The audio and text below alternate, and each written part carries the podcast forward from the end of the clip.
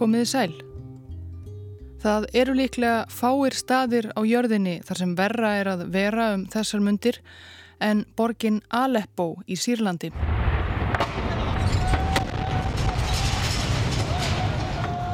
Aleppo hefur síðastliðin fjögur ár þurft að þóla einhverja verstu bardaga og blóðsúthellingar Sýrlands stríðsins og ástandið er sérstaklega slæmt um þessar mundir.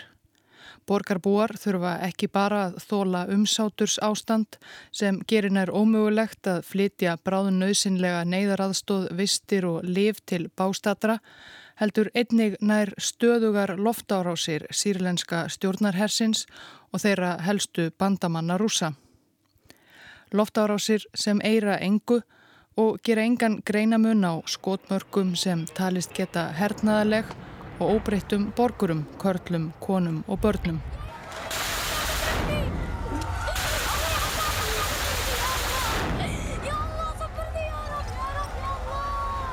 Þetta eru sorgleg örlög fyrir borg sem eitt sinn íðaði af lífi var þó svo að Damaskus í söðri væri vissulega höfuðborg Sýrlands á papirnum bæði fjölmennasta borg Sýrlands og miðstöð viðskipta og verslunar borg sem státaði jamt af víðáttumiklum og ævafornum mörguðum, þröngum ránkölum þar sem kaupamátti allt frá heilum úlvaldaskrokkum til eðalsteina og nútímalegum fjármálastofnunum. En eins og þeir sem hlustuðu á síðasta þátt í ljósi sögunar vita, sá þáttur fjallaði einmitt um sögu Aleppo-borgar, þá þarf ansi mikið til að ráða niðurlegum Aleppo og íbúa hennar. Sögu borgarinnar má rekja einn 5.000 ári eða svo aftur í tíman og á þeim tíma hafa ótal hörmungar dunið yfir, ótal innrásar herir og heimsveldi komið og farið. Hittítar, húrítar, assiringar, babiljónumenn, akkamenítar, Alexander Mikli, hinn armenski Tígranes, Rómverjar, Sassanítar, muslimar sunnan af Arabíuskaga, Rassítar, Umayyatar og Abbasítar og svo Bísansmenn, Seljúkar, Sengítar, Ajubítar, Evróskir, Krossfarar, Mamlúkar, Mongólar, jú og Tímúr Haldi. Þessi romsa dekkaði um 3000 áraf sögu Aleppo-borgar en allt þetta umrót livði borgin af. Alltaf var hún endurbyggð og reist upp úr rústunum. Alltaf snýru borgarbúarnir sem flúðu ófriðin aftur heim á endanum.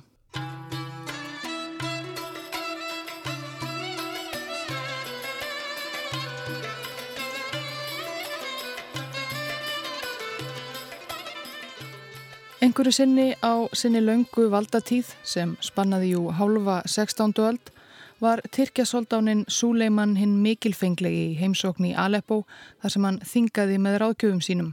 Ráðgjafarnir spurðu sóldánin hvort ekki væri ráðað reka þessa bansettu gýðinga úr borginni sem refsingu fyrir þeirra ólíðandi okurlána starfsemi. Súleiman hinn mikilfenglegi hristi hausinn og benti ráðgjöfum sínum á blómavasa sem stóði í fundarherberginu.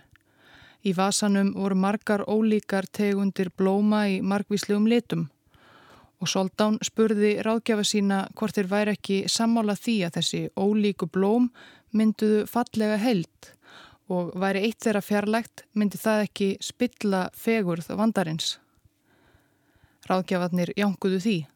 Þá sagði soldánin mikilfenglegi að eins væri farið með veldi hans því fleiri og fjölbreyttari þjóðir sem beigðu á yfiráðasvæðum Tyrkjaveldis því meiri væri máttur þess og fræð og þjóðir sem hefðu búið saman svo lengi ættu að gera það áfram. Ágæti hlustandi þessa sögu af Súleiman hinnum mikilfenglega lögspekingnum mikla sem satt í hásæti ottomanveldisins frá 1520 til 1566 eða korki meira enn í minna en 46 ár er að finna í ferðabók sem Leonhard Ránvúlf nokkur þýskur læknir skrifaði um 1576 að loknu laungu ferðalagi hans um Östurlend nær í leitað framandi lækningajurtum. Sögu þessa er að finna í kaplanum þar sem doktorinn lýsir dvölsinni í Aleppo og þó kannski sé hún ekki allsönn er hún lýsandi fyrir heið blómlega og fjölbreyta mannlíf borgarinnar um þetta leiti.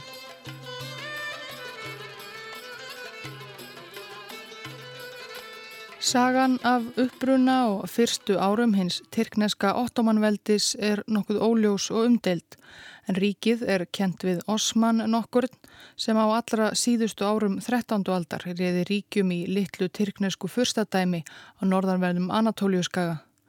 Osman þessi var slingur leitói og með hjálp stríðsmanna tyrkneskra hyrðingja ættbálka sem hann fekk til liðsvið sig náði hann að hrifsa til sín talsvert landsvæði úr höndum Rísans í nákrenninu, aust-rómverska ríkisins eða Bísans og hann náði að undiroka önnur tyrknesk smáríki á skaganum þar til Anatóliu skagin allur var komin undir hans stjórn og heitir eftirleiðis Tyrkland. Afkomendur Osmans og arftakar heldu starfi hans áfram. Á 14. öld heldu þeir í vestur og lögðu undir sig Balkanskagan og sjálf Konstantinopel, höfuðborg Bísansmanna, fjall 1453 og með henni það sem eftir var af Rómaveldi. En Tyrkir letu ekki þarfið sitja og það sem eftir var 15. aldar og svo 16. áttu einnig eftir að einkennast af miklum landveininga herrferðum Tyrkja í allar áttir í Evrópu sem og Asíu. Þegar við skildum við Aleppo-borg í lok síðasta þáttar var 15. öldin að ganga í gard og grimmilegir stríðsmenn hins mongólska Tímúrs Halta höfðu nýlokið við að leggja undir sig borgina, brjóta þar allt og bramla og slátra óbreyttum borgurum miskunar löst. Tímúr staldraði þó stutt við í Aleppo sem fljótlega var afturkomin á vald Mamluka, soldánana í Kæró sem höfðu ráðið Aleppo meir og minna frá því á 13. öld. En nú var sumsið nýtt íslamst stórveldi að fæðast og mamlugarnir gömlu máttu fara að vara sig. Arftakar Osmans gyrndust ekki bara yfirráð mamlúkana yfir helgustu borgum Íslamstrúar á Arabíuskaga, Mekku og Medínu, heldur einnig þær mikilvægu verslunarleiðir og verslunarborgir sem voru á yfirráðasvæði þeirra.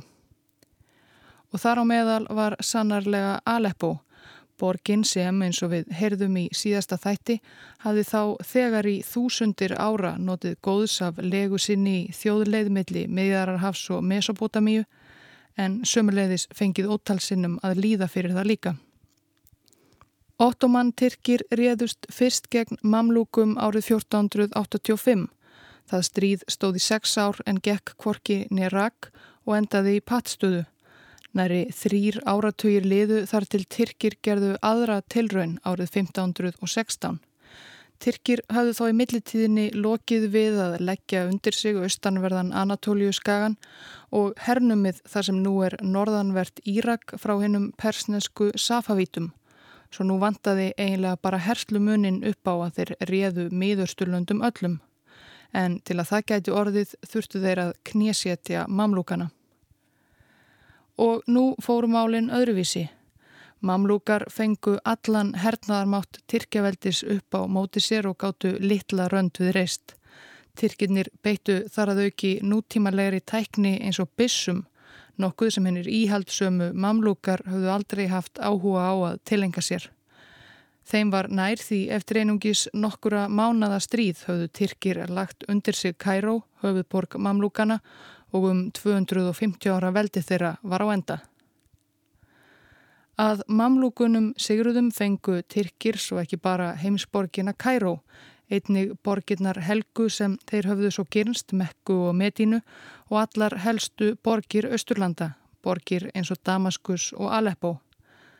Sagan segir að borgarbúar í Aleppo hafi verið svo feignir að sjá að baki mamlúkunum sem höfðu ekki hyrt sérstaklega um þá að innreið Hermanna inn í borgina var fagnað með þryggjadaga veistlu og húlumhægi. Það var í þetta skipti full ástæða til að fagna Aleppo átti sannarlega eftir að rýsa hátt á valdatíð Tyrkjana.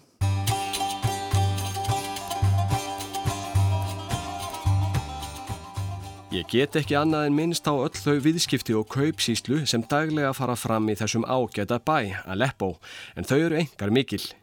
Miklar lestir burðarklára Asna og Úlvalda koma hér á hverjum degi frá öllum heimsins löndum, Tyrklandi, Armeníu, Egiptalandi og Indlandi. Mannmerðin á götum bæjarins er svo mikil að það er erfitt að komast að leiða sínar. Við heyrum úr frásögn Þíska læknisins og grasafræðingsins Leonard Ránvúlf af heimsókn hans til Aleppo árið 1575 eða 6.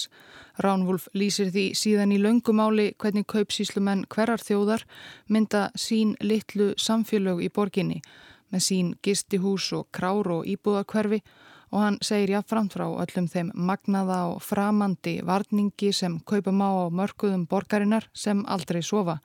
Hverskins kjött, vefnaðar vöru, fínustu krytt, júrtir og rætur, kanil, pipar, kardimómu, muskat, nardús, rababara og eðalsteina, demanta, rúbína og safír. Eðalsteinana fela kaupmenninir í úlvaldalestunum frá Indlandi og flytja þá leynilega. Þeir þor ekki að borga toll af þeim því tolleintumennir á þjóðvegunum stela þeim ef þeir finna þá. Handverksmenn af öllu tægi selja vörur sínar og þjónustu, skósmiðir, skrattarar, söðlarar, málarar, gull og látúnsmiðir, nálagerðarmenn og lásasmiðir, rennismiðir, örfa og bógasmiðir. Og jú, svo var líka þrælamarkaður minnist læknirinn á þar sem þrælar af báðum kynjum, ungir sem aldnir gengu kaupum og sölum. Þeir eru kannski það helsta sem átti á endanum eftir að hverfa af básum markaðansins mikla í Aleppo, þrælatnir.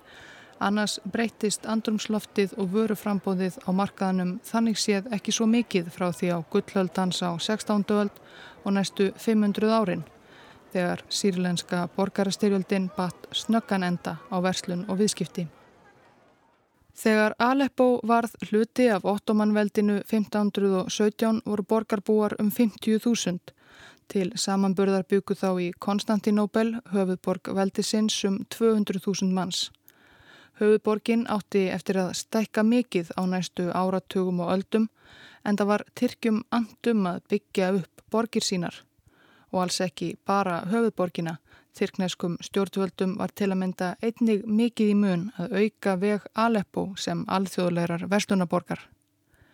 Tyrkir, gríkir, armennar og gýðingar voru kvattir til að setja staði í Aleppo og evróskum kaupsíslumönnum, fyrirtækjum og erindrekum tekið opnum örmum. Allir innviðir til verslunar og kaupsíslu voru bættir, byggðir nýjir markaðir og kisti aðstæða fyrir farandsölumenn og úlvaldalestir. Enda vangaði hagur borgarinnar mikið á fyrstu áratögunum eftir að ottoman Tyrki barað gardi. Eftir að hafa þurft að þóla endalösar innrásir, eigðileggingu og hörmungar síðustu aldinnar, eins og greint var frá í síðasta þætti, fóru hlutunir nú loksins að hreyfast upp á við. Stöðugur ströymur úlvaldalesta frá Indlandi, Íran, Damaskus, Arabíu skaga og Persaflóa og víðarað áðu í Aleppo á leiðsinni til Konstantinóbel, Ískanderún, Smirnu eða annara hafnarborga og bæja við miðjarðarhaf. Það var allt mjög nútímanlegt á mælikvarða 16. aldar. Þannig gáttu kaupmennir í Aleppo frétt af skipakomum í aðal hafnaborg Ottomana í Skanderún samdægurs þó svo að borgin væri þrjár til fjórar daglegðir í burtu, þökk sé sérþjálfuðum dúfum sem báru nýjustu fréttir millir borgarna í sífellum. Á tímum mamlúkana hafði Damaskus, álíka forn borgum 300 km söður af Aleppo, verið höfuðborg hér aðsins Sýrlands, en Damaskus fjall nú í skuggan af uppgangi Aleppo, sem var útnemd höfuðborg nýrar og samnemndrar stjórnsýslueiningar innan Tyrkjaveldis, Aleppo Hjeraðs. Og borgin varð líka smátt og smátt að einni af helstu borgum Tyrkjaveldis á eftir stórborginni Kæró og sjálfri Konstantinópel.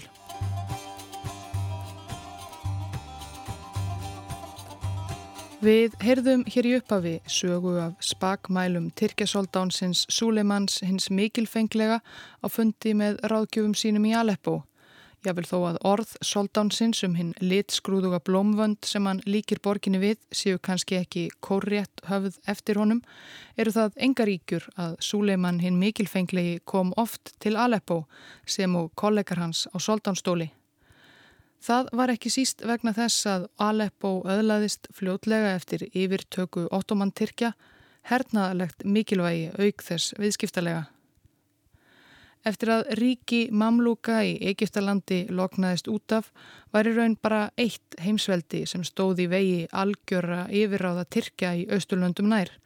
Það voru hinnir persnesku safavítar.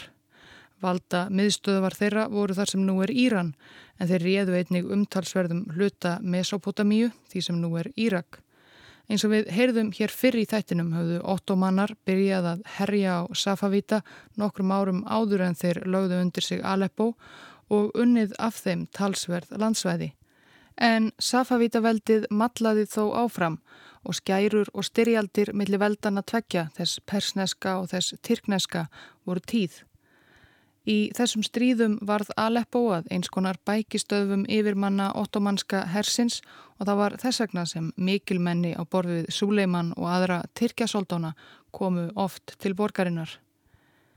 Safavítaveldið loknaðist loks út af árið 1722. Það hefur áraðanlega glatt marga í soldánshöllinni í Konstantinóbel en fall þessara fornu fjanda varð borgarbúmi Aleppo ekki sérstaklega til góðs. Þrátt fyrir að ottomannar og safavítar hefðu stöðugt eldað grátt silfur, hafði það ekki haft sérstök áhrif á verslunina í Aleppo. Þar gekk businessin fyrir og persnest silki var eitt af helstu vörunum sem verslað var með á markaðnum í Aleppo. En eftir fall safavítaveldisins minkaði silki framleiðsla Írana og eftir því sem leið á átjóndu öldina barst minna og minna silki til Aleppo. Sýrlendingar byggu líka til silki en ekki nóg til að mæta allri eftirspurninni frá Evrópu þar sem menn vildu sveipa sig meira og meira silki. Á endanum fóru evrósku kaupmeriðnir því að gefast upp og leituðu annað. Velmegun, friðsælt og svona almennt tíðindaleysi hafði einkjent ottomanska tíma Aleppo borgar hinga til. En þegar businessin varð erfiðari, efnahagurinn verri, rakaði öllu öðru í borgarlífinu sem leiðis. Undir lok átjándu aldar og í upphafi þeirra nítjándu fóru mótmæli og óeirðir á gödum borgarinnar að verða tíðari. Yfirleitt voru borgarbúar að kvarta undan hári skattheimtu Tyrkja því að þó að hart væri í ári fyrir almenna aleppinga lækuðu skattarnir ekki þverst á móti. Og þetta leiti til stöðugurar ólgu í stjórnkerfi borgarinnar og Aleppo hérads. Héradsstjórar endust yfirleitt stuttastund í starfi áður en þeir rökluðu spurt vegna óunæju almennings eða deilna innan borgarstjórnarinnar. Allt var þetta einhvern veginn hálpartin alltaf upp í loft. En svo kom sprengingin. Kvöldið 17. oktober 1850 var annað kvöld fornarháttíðirnar Eital Ata, einnar helstu trúarháttíðar múslima og því eflaust viða fjörugtum að litast í Aleppo. Fyrir utan höll héraðstjórans var sannarlega hiti í mönnum en það kom ekki til af góðu. Þar hafði fjöldi fólks sapnað saman mestmægnis karlar, að minnstakosti nokkur hundruð þó áraðanlegar tölulegar upplýsingar um atbyrði þessa oktoberkvölds síu af skortnum skamti. Mennirnir voru komnir þarna fyrir utan höllina héraðstjórans til að mótmæla því að héraðs yfirvöld höfðu nýlega látið gera manntal um alla fullorna karla í Aleppo og nákrenni. Þetta var fyrsta manntalið í söguborgarinnar og orðið á götunni var að eini tilgangur þess væri að undirbúa herrkvaðningu sem hefjast myndi eftir hátíðarnar. Mótmælendur voru nær undantekningar laust úr austanverðum útkverfum borgarinnar. Þar byggu aðalega múslimar, arabar en einnig tyrkir og kurdar og þetta voru einnig hvað fátækustu hverfi borgarinnar. Þannig byggu verkamenn, úlvalda og múlasnarekar og annað lástjættarfólk. En hér að stjórin hafði ekki áhuga á að hlusta á neinn mótmæli. Hann let verði sína skella hliðinu að höllinni í lás og áttur reyndar síðar þegar fór að hittna í kólunum eftir að laumast burt úr höllu sinni með nánustu samstagsmönnum og líförðum. Hér að stjóri þessi var reyndar stórmerkileg persóna. Þó að borgarbúar í Aleppo þekktu hann sem Múrat Pasja hafði hann lengst af gengt nafninu Jósef Behm og var fættur og uppalinn í Pólandi. Hann hafði barist hetjulega í svo kallari november uppreysn Pólverja gegn rúsneska keisaradæminu 1830 og síðan tekið þátt í ungversku byltingunni 1848 þegar ungverjar reynduð að losa sig undan okki Hafsborgaraveldisins. Fyrir baráttu sína er hann þjóðhetja bæði í Pólandi og Ungverjalandi og af honum stendur stitta í Budapest. En þegar ungverska byltingin svo mistókst flúði hann til Tyrkjaveldis, tók þar Íslamstrú og varð sumsi á endanum héraðstjóri í Aleppo undir þessu nafni Múrat Pasja. En nú hafði þessi forna frelsishetja sumsi ekki mikinn áhuga á því að hlýða á umkvörtunarefni fátækustu þegna sinna, svo að mótmælendur snýru sér annað. Af einhverjum ástæðum sem sakfræðingar deila ennum hverjar hafi verið, tók múrin stefnun á norður útkverfi Aleppo Það voru nokkuð öðruvísi hverfi en austurbærin þaðan sem mótmælendur komu. Íbúar norðurbæjarins voru mestmægnis kristnir og þeir voru miklu betur stæðir. Þar byggu ríkir kaupmenn og mektarmenni. Allt kvöldið, nóttina og langt fram á næsta dag gekk muslimamúrin Bersesgangum kristna norðurbæin, braut allt og bramlaði, stál öllu steini léttar ár kirkjum, verslunum og engaheimilum. Mennirnir kveiktu í fjölda bygginga og gengu í skrokk á öllum sem fyrir urðu. Töyir letu lífið og fjöldi særðist. Þegar fréttist af óerðunum í norðurkverfunum fyltust kristnir borgarbúar um alla Aleppo-borg hræðslu og byrjuðu sig inni eða leituðu skjóls á gistihúsum og í herskálum. Þeir reyndust ekki þurfa þess því óerðirnar breytust ekki út og síðdegis á förstu degi um sólarhinga eftir að þær hófust, hafði leittókum muslima í borginni tekist að sefa múin með því að sverja á sart við leggja að það yrði alls engin herrkvaðning. En skadin var þá skeður. Blómvöndurinn Margliti og Fagri sem Súleiman hinn mikilfenglegi hafði líst fyrir ráðgjöfum sínum 300 árum áður hafði verið tættur í sundur og sátt og samlendi hinn að fjölbreytilegu íbúa Aleppo rofið. Breski konsúlinn skrifaði yfirbóðara sínum, sendi herranum í Istanbul skjelvingu lostinn. Atbörðunir í Aleppo hafa vakið með öllum stjettum allara þjóða tilfinningar sem ég hef aldrei áður orði vittni að hér í borginni. Íbúar Aleppo eru þeir ríkustu og háttvísustu í Sýrlandi. Að slikt fólk á þessum miklu friðartímum skuli verða á nokkus tilefnis eða viðvörunar fórnalömp slíkara grimdaverka. En hvers vegna? Andstaða við herskildu hafði verið upphaflega umkvörtunarefni mótmælendana en það útskýrir þó ekki hvers vegna þeir umturnuðust svo í morðóðan múg og hvers vegna þeir ákváðu að beina reyðisinni að kristnum nágrunum sínum sem ekki töfðu til saka unnið. Velmegandi og kristnir íbúar Norðurbæjarins hafðu vissulega komið betur út úr þeim efnahagsþrengingum sem enginn töfðu síðustu áratögi og eflaust gramtist mörgum það. Arðbærustu viðskiptinn á þessum erfiðu tímum voru við vestur Evrópu og þar voru þeir kristnu á heimavelli. Borgar yfirvöld höfðu líka undanfærin árveitt kristnum borgarbúum. Þeir voru fjölmarkir, réttrúaðir gríkir og armenar, katholikar af ymsutægi og allt þar á milli, aukin réttindi til að yðka trú sína og menningu og á reyttir.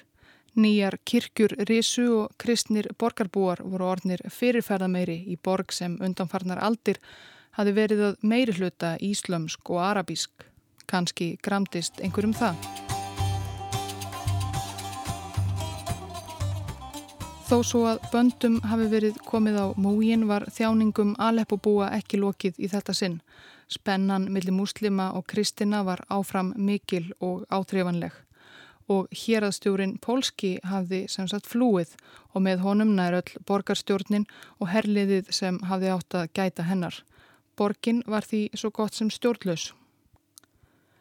Meðal þeirra sem byggu í hrörlegum austurkverfum Aleppo þaðan sem múrin hafði komið, auk verkamannana og úlvaldarekana, voru margir svo nefndir Janissarar. Janissarar hafðu um aldir verið eins konar úrvalsveit í herr Tyrkjasóldáns. Uppaflega voru Janisara sveitirnar skipaðar kristnum piltum sem rænt var af yfiráðasvæðum Tyrkja og Balkanskaga. Þeir voru neftir í þrældóm, þjálfaðir í herrmennsku og látnir undirgangast Íslam. Með tímanum urðu Janissarar bæði afar valdamiklir sem og spiltir og yfirgangsamir og voru sífælt stjórnvöldum til ama. 24 árum fyrir óerðirnar í Aleppo 1826 hafði soldáninum Mahmúd öðrum fundist nóg um. Hann ákvaða að taka til hendinni í hersínum og leggja niður Janissarsveitinnar. Það mæltist ekki sérlega vel fyrir hjá Janissörunum sjálfum og mörg þúsund fjallu í óerðum og bardögum sem fyldu eða voru einfallega teknir af lífi. Þó svo að Janissararnir væri því tæknilega séð úr sögunni þegar þarna var komið sögu árið 1850 gáfust þeir sem eftir voru ekki svo auðveldlega upp. Sveitir þrjóskra Janissara var enn að finna víða um Tyrkjaveldi, meðal annars í Aleppo þar sem fyrirverandi Janissarar fengust við ími störf en heldu enn hópin. Fæstir þeirra voru sérstaklega vel stæðir og margir byggu í fátækustu hverfum borgarinnar í austurlutanum rétt eins og óerðasekinir. Og þeim var ekki heldur sérlega vel til ottomanskra yfirvalda sem hafðu jú slátrað þúsundum bræðra þeirra. Nú sáu þeir sér því leika á borði og gengu til liðsvið óerðasekina nágranna sína og þar sem engin var héraðstjórin og borgin var stjórnlaus þá tóku þeir einfallega völdin. Leðtogi Janissarana var þá útnemdur héraðstjóri með öllu tilherandi en stjórn þeirra fekk þá ekki að standa lengi. Í byrjun november eftir um tveggja vikna stjórnleysi réðist herr Tyrkjasóldáns inn í borgina vopnaður því nýjasta í vestrætni stórskotaliðstækni og dögum saman letu þeir skotum og sprengjum rigna yfir austurluta borgarinnar þar sem óerða segirnir og uppreysnar menn Janissara heldu til. Við vitum ekki nákvæmlega hversu margir letu lífið í óerðunum 17. og 18. oktober 1850 en áallega að það hafi í mestalagi verið nokkrir tugir manna kannski svona um 20 sem fjallu sjálfa óerða dagana, eflaust hafi svo einhverjir látist síðar af sárum sínum. En öllu fleiri fórust í hemdar aðgerð ottomanskra yfirvalda, um 5.000 manns er talið og auðvitað ekki allt óerðasekir uppreysnar menn og morðingjar, fullt af óbreytum borgurum líka. Austurluti borgarinnar var enda rústir einar þegar stórskotaliðið hafi lokið sér af.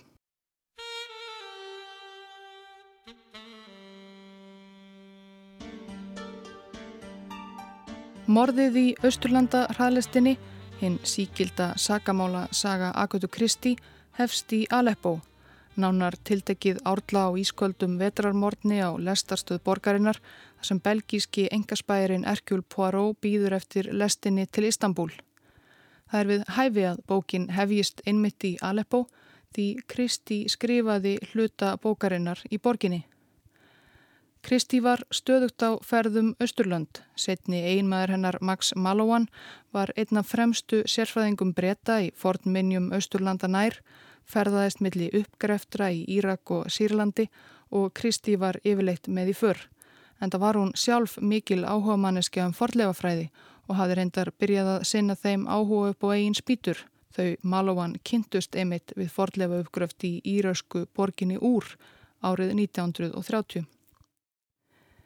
Þessa fyrstu kabla bókarinnar skrifaði Kristi í Herbergi 203 á Hotel Barón sem stendur við samnemt stræti í miðborg Aleppo. Hotel Barón má með sanni segja að sé sögufrægasta hótel borgarinnar og líklega ekkert annað hótel í Sýrlandi sem getur státað af jafn stjörnuprítum gestalista og eins stóru hlutverki í samtíma sögu landsins og Hotel Barón í Aleppo. Saga hótelsins er samofinn sögu Aleppo og Sýrlands síðustu 150 árin eða svo. Aleppo náði sér fljótt á stryk eftir óeirðirnar og eidilegginguna 1850 eins og Aleppo borg var vön að gera eftir mannfall og hörmungar.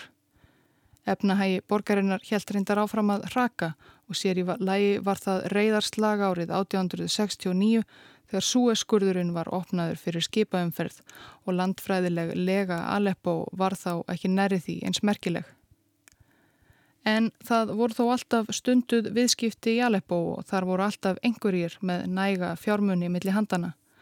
Um svipa leiti og fyrstu skipin sildu í gegnum súeskurðin átti armenin okkur, Maslumian að nafni, eitthvað erindi til Aleppo Hann veitti því þá aðtegli að þó að um borgina væri stríður ströymur fjársterkra vestur evróskra kaupsíslumanna voru þau gistihús og leiguhúsnæði sem þeim stóð til bóða, kannski ekki alveg það sem þeir áttu að venjast heima fyrir.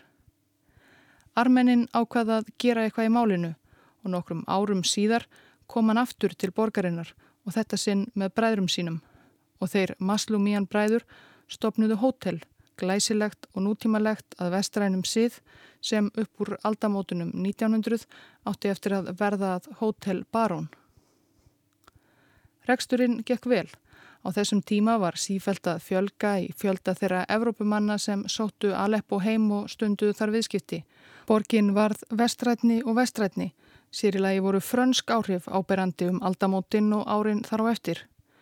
Samhliða því urðu borgarbúar svo æg ónæðari með borgar yfirvöld og æðstu stjórnvöldins aldur hnigna Tyrkjaveldis. Þó svo að þessi 400 ár sem Tyrkja soldánar hafðu þá verið við stjórnvölin í Aleppo hafi verið einhver þau allra friðsælustu í langri sögu borgarinnar voru borgarbúar nú komnir með kapp nóg. Þetta var ekki óalgeng afstafa í hinnum arabísku mælandi heimi á þessum tíma. Þegar fyrri heimstyrjöldin rast á nýttu óvinnir ottoman Tyrkja, brettar og frakkar sér þessa ónæju og kvöttu Araba til að rýsa upp gegn tyrknæskum yfirbóðurum sínum, gegn lofarðu um það að þegar Tyrkir væri á bak og burt myndi rýsa arabíst stórveldi sem spannaði allan Arabíuskagan og næði jú einmitt allaleið norður til Aleppo. Þessa sögu alla um uppreist Arabana kannast hlustendur kannski við úr kvikmyndinu um Arabíu Lárens. Hetja myndarinnar, brettin T. Lawrence, gisti emitt á Hotel Baron þegar hann átti leiðum Aleppo, yfirleitt í Herbergi 202 við hliðina á Herbergi 203 þar sem fyrstu kaplar bókarinnar um morðið í Austurlanda hraðvistinni voru síðar skrifaðir. Reyndar má fylgja sögunni að Lorenz borgaði ekki alltaf reikningin og greittur hótelreikningur hans var lengi vel til sínis á Hotel Baron og brettar hlupust ekki aðeins frá reikningum sínum heldur stóðu þeir heldur ekki við lofórð sín gagvart Arabum þegar heimstyrjöldinni lauk og ottomanveldið loknaðist loks út af. Það var enda alls ekki ætlunin. Hinnir sigursælu brettar og frakkar gerðu þessi stað með sér samninga um að skipta landsvæði ottomana á millisín. Sá áhrifamesti og frægasti þeirra kendur við breska diplomatan Mark Sykes og franskan kollega hans François Picot var raunar gerður áður en Tyrkjaveldi var sigrað. Svo sigur viss voru evrósku heimsveldin og svo lítill fótur hafi verið fyrir lofórðum breyta til arabísku uppreysnamannana. En allavega samkant samningnum sem kentur er við þessa tvo diplomatafélaga Sykes og Pico þá fjall mest af því sem nú er Sýrland í hendur frakka eftir að heimstyrjöldinni lauk.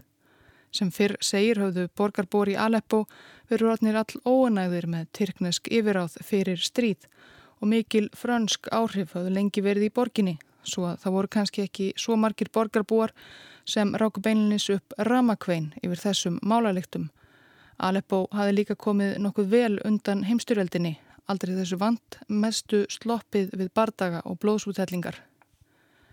Í oktober 1918 Þegar hersveitir breyta og araba sem nýlega hafðu lagt undir sig Damaskus, nálguðust svo Aleppo, var aðsti herfóringi Tyrkja í borginni maðuranafni Mustafa Kemal og hann glýmdi þá við nýrnasjúkdóm sem gerði það verkum að hann stjórnaði lengi aðgerðum úr sjúkrarúmi á spítalanum í Aleppo.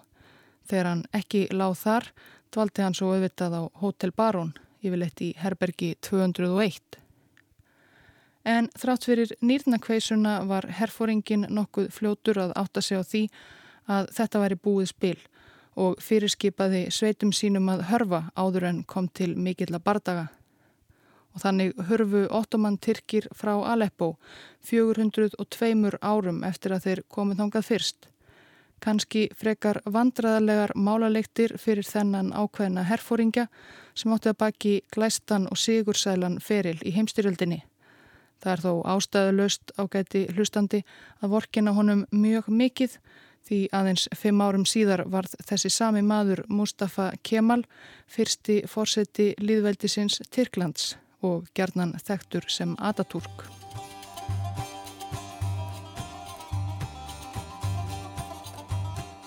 Þó svo að Aleppingar hafi kannski ekki saknað Tyrkja mikið, fjallu frönsk yfiráð heldur ekki sérstaklega vel í kramið þegar á leið. Mörgum Aleppingum kramtist sérstaklega að frakkar skildu gera Damaskus í söðri að höfuðborg franska Sýrlands en ekki þeirra eigin Aleppo. Metingurinn millir þessara tvekja helstu borga Sýrlands hefur lengi litað sögu þessa landsvæðis. Nú fjall Aleppo í skuggan af uppgangi Damaskusborgar og efnahagurinn var ekkert til að hrópa húra fyrir. Upp úr 1930 voru mótmæli og óerðir gegn frökkum á gödum Aleppo orðin nokkuð tíð. Það voru yfirleitt muslimatnir í borginni sem voru hvað óanæðastir. Hinnir kristnu íbúar voru sáttari við frönsku yfirbóðarana og kristnum íbúum fór reyndar fjölgandi af þessum árum. Til Aleppo streymdu kristnir flótamenn frá Anatóliu skaga þar sem Tyrkir stóðu í ströngu við að slátra armennum, assýringum og öðrum sem ekki þóttu passa í hið nýja tyrkneska líðveldi herfóringjans sem hafði hörfað frá Aleppo, Mustafa Kemals Ataturk.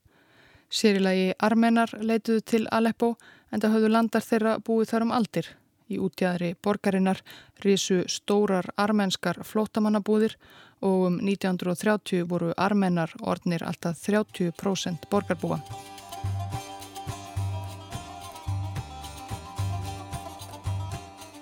Ágæti hlustandi við skulum fara rætt yfir sögu. Aleppingar voru hefnir að þvíleiti að þeir slöpu einningað mestu við hörmungar setni heimstyrjaldar rétt eins og þeirrar fyrri. Sprengjur fjallu á Damaskus og öllu eidileggingu og manntjóni en Aleppo ekki lengur merkilegasta borgin á svæðinu, fekk að vera í friði. Dansinn dunaði áfram á Hotel Baron þar sem brottborgarar gáttu nú blandað geði við breska og franska herfóringja. Það mikilvægasta sem kom út úr stríðinu fyrir Íbúa Aleppo var það að Sýrland losnaði að endingur greipum frakka og varð sjálfstætt ríki. En var það Damaskus sem var útnemd höfuborg en Aleppo helt þó mikilvægi sínu sem miðstöð viðskipta og varð með tímanum stærri en sjálf höfuborgin og var jáfnframt fjölmennari alveg þar til borgarstyrjöldin skall á. Og þeir sem fóru með stjórnina í sjálfstæðu Sýrlandi hverju sinni komu þar reglulega við til að halda borgarbúum örglega góðum og gistu þá íðurlega á Hotel Baron, hotellinu sem líkt og borgin sjálf stóð alltaf af sér allar sviftingar.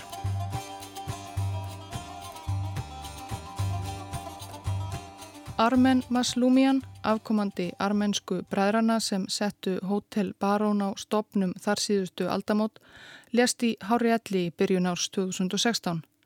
Hann hafði þá rekið Hotel fjölskyldunar áratugum saman en síðustu fimm árin hafði hann ekki fengið eina einustu bókun, enda stríðsástand í Aleppo, umsátur, gutubardagar og sprengjuregn. Þó hjælt Maslumian gamli hótelinu sínu alltaf opnu ef skekk kynni að einhver kæmi.